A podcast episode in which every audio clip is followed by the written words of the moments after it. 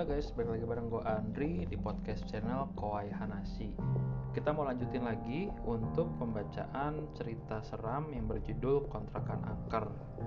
Uh, Teman-teman udah denger belum cerita sebelumnya? Kalau belum dengar, masuk dulu ke cerita sebelumnya ya Karena ini masih berlanjut ceritanya. Nah, untuk teman-teman yang mau mendukung uh, podcast ini Atau teman-teman mau uh, membagikan cerita teman-teman Teman-teman bisa follow saya di Twitter pot Kowai Hanashi. Di sana sudah ada link Google Form yang mana teman-teman bisa uh, masuk ke link tersebut dan menceritakan cerita atau pengalaman teman-teman terkait pengalaman horor atau mistis. Nanti akan saya bacakan di uh, podcast Kowai Hanashi. Nah, kita mau lanjut untuk uh, cerita kontrakan angker part keempat. Namanya Pak Heri. Dia salah satu warga di sini Kebetulan Pak Heri sedang ronda. Dia sengaja keliling untuk memastikan tidak ada orang asing yang masuk ke komplek ini. Untung saja dia melihat pintu rumahku yang terbuka sehingga dia berhas sehingga aku berhasil diselamatkan. Dia menemaniku sampai subuh dan paginya Pak Heri pamit pulang. Aku semakin khawatir dengan ayah. Sampai pagi ini dia tidak kunjung pulang. Aku berdiri menghadap jendela, memandangi jalan dan berharap ayah akan muncul di sana. Kata ayah, selama dia pergi, aku tidak boleh keluar rumah.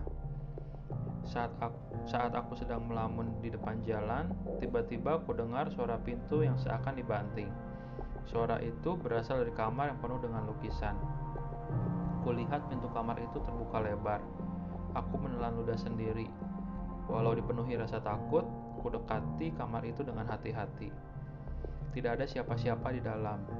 Orang-orang asing yang kulihat semalam seolah tidak meninggalkan jejak apa pun. Tapi tunggu dulu, ada sebuah lukisan yang menarik perhatianku. Di dinding dekat jendela kamar, ada lukisan wajah seorang lelaki yang sangat kukenal. Tidak salah lagi, itu lukisan wajah ayahku. Segera ku ambil kursi di dapur.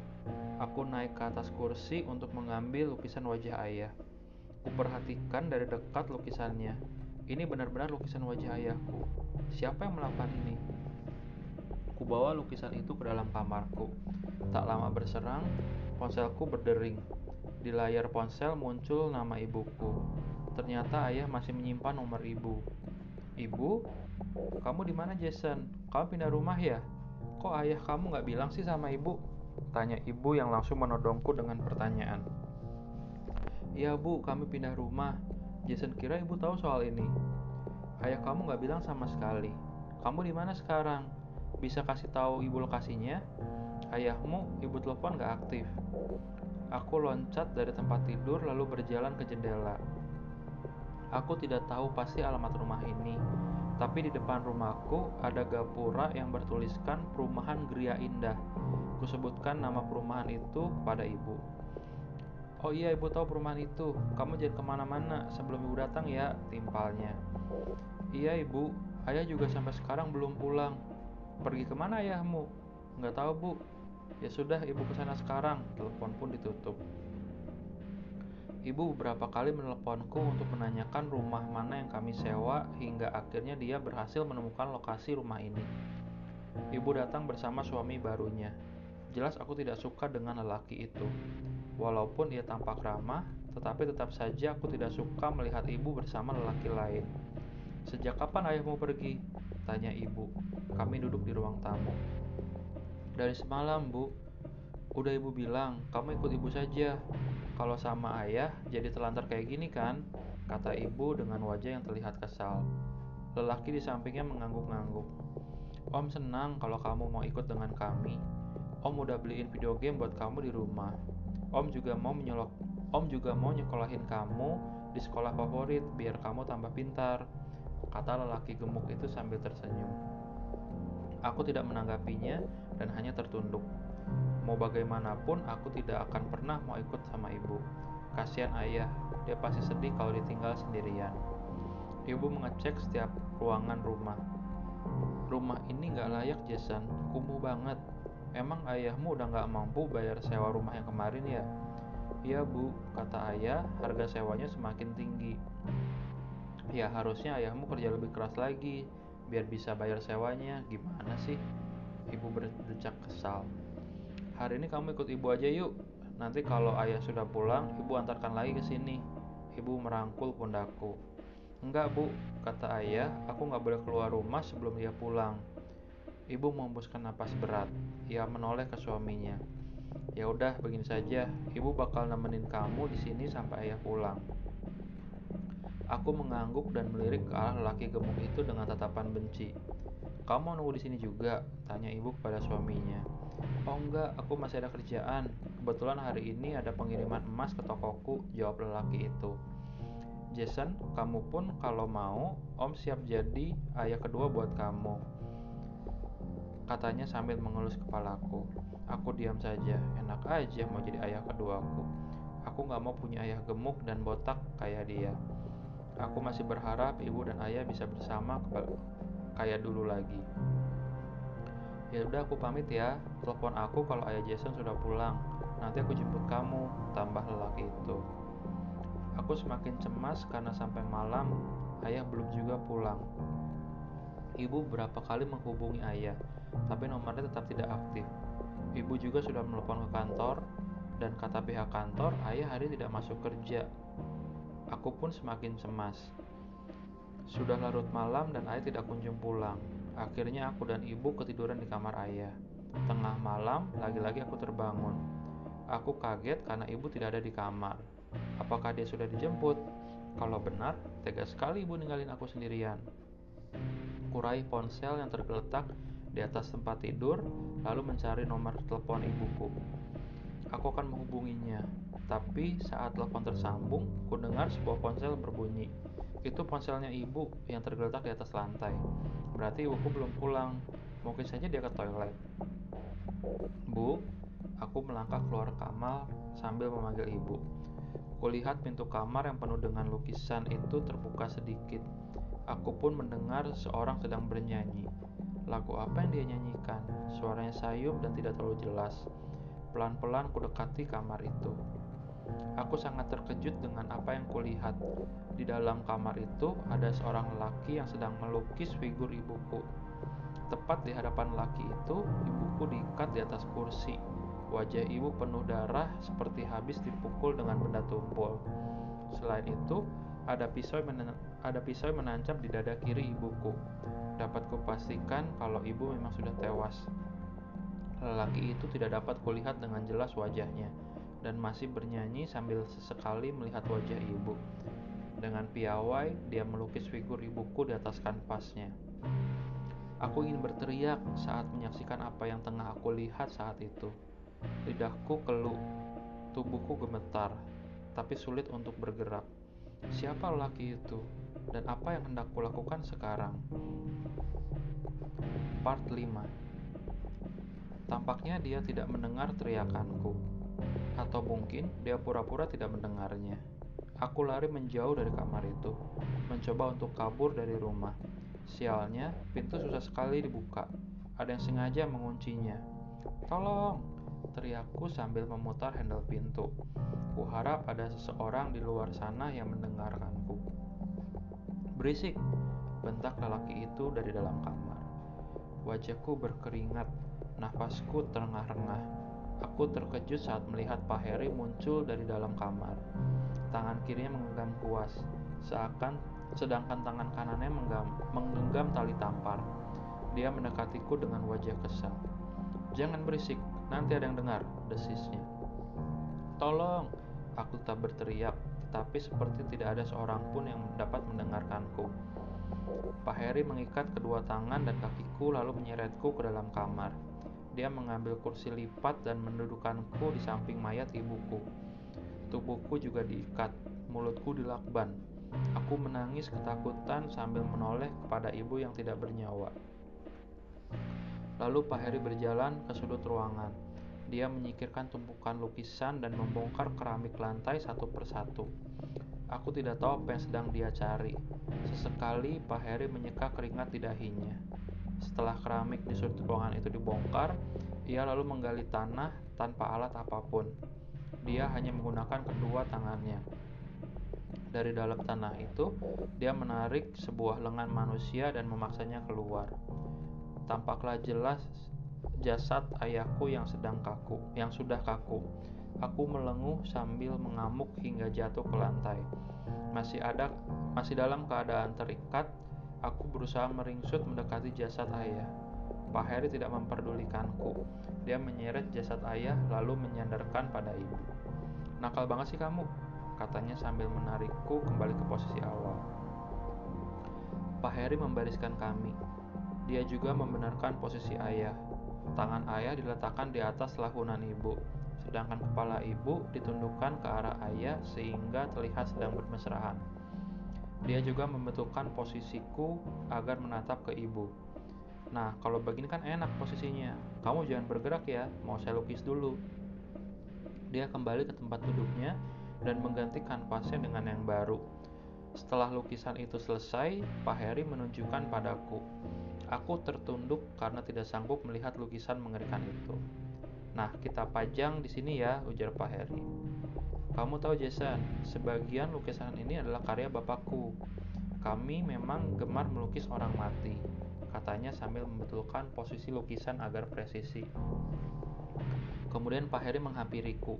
Dia merogoh sesuatu dari celana pendeknya. Lihat Jason, dia menunjukkan foto anak kecil seumuranku. Foto itu hitam putih dan lusuh. Kamu mirip sekali dengan anakku yang sudah meninggal. Jangan khawatir, Aku akan merawatmu seperti anakku sendiri. Aku menggelengkan kepala sambil terus melenguh. Tak lama kemudian ada seseorang mengetuk pintu. Dia memanggil-manggil nama ibuku. Aku kenal suaranya, itu suami baru ibuku. Mendengar suara itu, Pak Heri panik. Dia membuka ikatan tali di kursiku. Dengan terburu-buru, Pak Heri langsung menggotongku ke dapur. Dia membuka triplek yang menutupi lubang bawah tanah dan tanpa berpikir panjang, ia langsung melempar tubuhku ke dalam lubang itu. Kepala, kepalaku terbentur lantai sampai berdarah, tapi aku masih sangat, tapi aku masih dalam keadaan sadar. Tali yang mengikat kaki dan tanganku sangat kuat, membuatku tidak dapat berkutik sama sekali. Tidak ada yang bisa kuperbuat selain berdoa semoga ada seseorang yang bisa menyelamatkanku. Dari atas ku dengar triplek dibuka kembali ada benda yang dijatuhkan ke sana. Aku mengadu kesakitan karena benda itu menimpa punggungku. Dan kulihat ternyata kepala suami baru ibuku. Aku tidak ingat siapa namanya, tapi jelas sekali aku kenal wajahnya. Aku menjerit sekuat tenaga. Suaraku tertahan di tenggorokan. Sesaat setelah kepala itu jatuh, Pak Heri juga menjatuhkan bagian tubuhnya. Tubuh itu lebam dan hampir saja menimpaku. Malam itu bagaikan mimpi buruk. Aku tidak menyangka kalau Pak Heri adalah dalang dari semua ini. Tapi kenapa ia berbuat seperti ini? Apakah semua lukisan itu adalah orang yang dia bunuh? Sesaat kemudian, ku dengar ada seseorang yang menuruni tangga. Itu pasti Pak Heri. Aku meringsut mencari tempat untuk bersembunyi. Sambil menuruni tangga, Pak Heri bersiul. Sesekali dia juga memanggil namaku. Jason, Jason, ayah datang. Suara itu sangat mengerikan. Part 6 Pak Heri mencariku sambil bersiul. Aku menahan tangis dan bersembunyi di balik tumpukan kardus. Dia memanggil namaku. Suaranya sangat mengerikan. Tak butuh waktu lama bagi Pak Heri untuk menemukan persembunyianku. Dia langsung membuka lakban yang menjegal mulutku. Seketika aku berteriak sekuat tenaga. Dia malah tertawa dan menarik kakiku, lalu menyandarkan tubuhku ke dinding. Jason, mulai saat ini kamu jadi anakku ya, dan ruangan ini jadi kamar kamu sekarang, kata Pak Heri. Aku menolak, aku pun meludahi wajahnya. Aku gak mau jadi anak kamu, dasar pembunuh dasar pembunuh. Namun, dia tidak marah. Pak Heri malah tertawa terbahak-bahak. Saat pertama lihat kamu, aku langsung teringat anakku. Dan satu-satunya cara biar kamu menjadi anakku adalah membunuh orang tuamu. Maafkan aku ya. Jangan khawatir, kamu pasti lebih bahagia jadi anakku. Lagi pula, semenjak ayahku meninggal gantung diri, rumah ini jadi milikku. Jadi kamu bebas tinggal di sini selamanya. Gak mau, Tolong pak, keluarkan aku dari sini. Aku nangis lagi. Aku tidak menyangka kalau kontrakan ini menjadi malapetaka bagi keluargaku. Jangan nangis dong, kan ayah ada di sini. Kamu lapar ya? Sebentar ya, ayah carikan makanan dulu, katanya sambil mengecup keningku. Dia naik ke permukaan. Tak lama kemudian, Pak Heri kembali dengan membawa kantong plastik hitam. Entah apa isinya. Nah, ini ayah bawakan makanan buat kamu. Dia menunjukkan isi plastik hitam itu. Aku langsung mual ingin muntah, bahkan saat belum melihat isinya. Aku mencium bau menyengat. Ternyata di dalam plastik itu ada genangan telur busuk. Entah dari mana dia mendapatkannya. Pak Heri memasukkan telunjuknya ke dalam plastik itu, lalu mengaduk-ngaduk telur busuk itu. Ini enak, katanya sambil menjilati telunjuknya. Tolong, jangan pak, aku nggak mau, teriakku sambil nangis. Ini enak kok, buka mulut kamu. Dia memegang kepalaku, memaksaku agar memakan telur busuk itu. Aku mengibaskan plastik itu dengan kepalaku sendiri. Seketika saja, plastik itu jatuh dan telurnya acak-acakan di lantai. Lagi-lagi Pak Heri tidak marah. Dia malah tersenyum sambil mengelus-ngelus kepalaku. Ya sudah, kalau kamu gak mau, nanti ayah carikan makanan yang lebih enak ya. Sekarang ayah mau melukis dulu. Dia naik ke permukaan dan kembali membawa peralatan lukis. Dia lalu menyeret kursi lipat yang tergeletak di sudut ruangan. Yang bikin aku bergidik ngeri yaitu Pak Heri mendudukkan jasad suami ibuku yang sudah tidak berkepala. Ini bakal jadi karya seni yang hebat. Tubuh tanpa kepala. Hahaha. Dia tertawa terbahak-bahak dan mulai melukis. Kau lihat ayahmu ini melukis. Siapa tahu kelak engkau jadi seniman handal seperti ayah, kata Pak Heri sambil menoleh kepadaku. Dia tersenyum ramah. Aku tidak menjawab, tapi air mataku terus menetes. Tubuh ini bergetar kedinginan. Kepalaku juga terasa sakit. Darah membasahi wajahku. Benturan tadi sangat keras. Aku heran kenapa aku masih bertahan hidup dengan kondisi seperti ini. Aduh, catnya habis nih, padahal belum selesai. Ayah mau mengambil cat dulu ya. Tolong jaga lukisan ayah, pinta Pak Heri. Dia lalu naik ke permukaan. Mayat lelaki tanpa kepala yang duduk di hadapanku benar-benar menakutkan. Ini adalah momen paling horor dalam hidupku. Tambah lagi ruangan ini begitu hening. Aku hendak mendengar suara, aku hanya mendengar suara tangisku sendiri yang tertahan dan sesenggukan. Semakin lama ruangan ini semakin mengerikan. Ku coba menjamkan mata agar tidak terus-terusan melihat jasad tanpa kepala di hadapanku. Tak lama kemudian, ku dengar suara kursi berderit. Saat membuka mata, jasad tanpa kepala itu berdiri di hadapanku. Aku berteriak sekeras mungkin lalu meringsut untuk menjauh dari jasad yang tiba-tiba hidup kembali. Sialnya, jasad itu malah mendekatiku. Dari kejauhan, aku juga melihat kepalanya menggelinding ke arahku.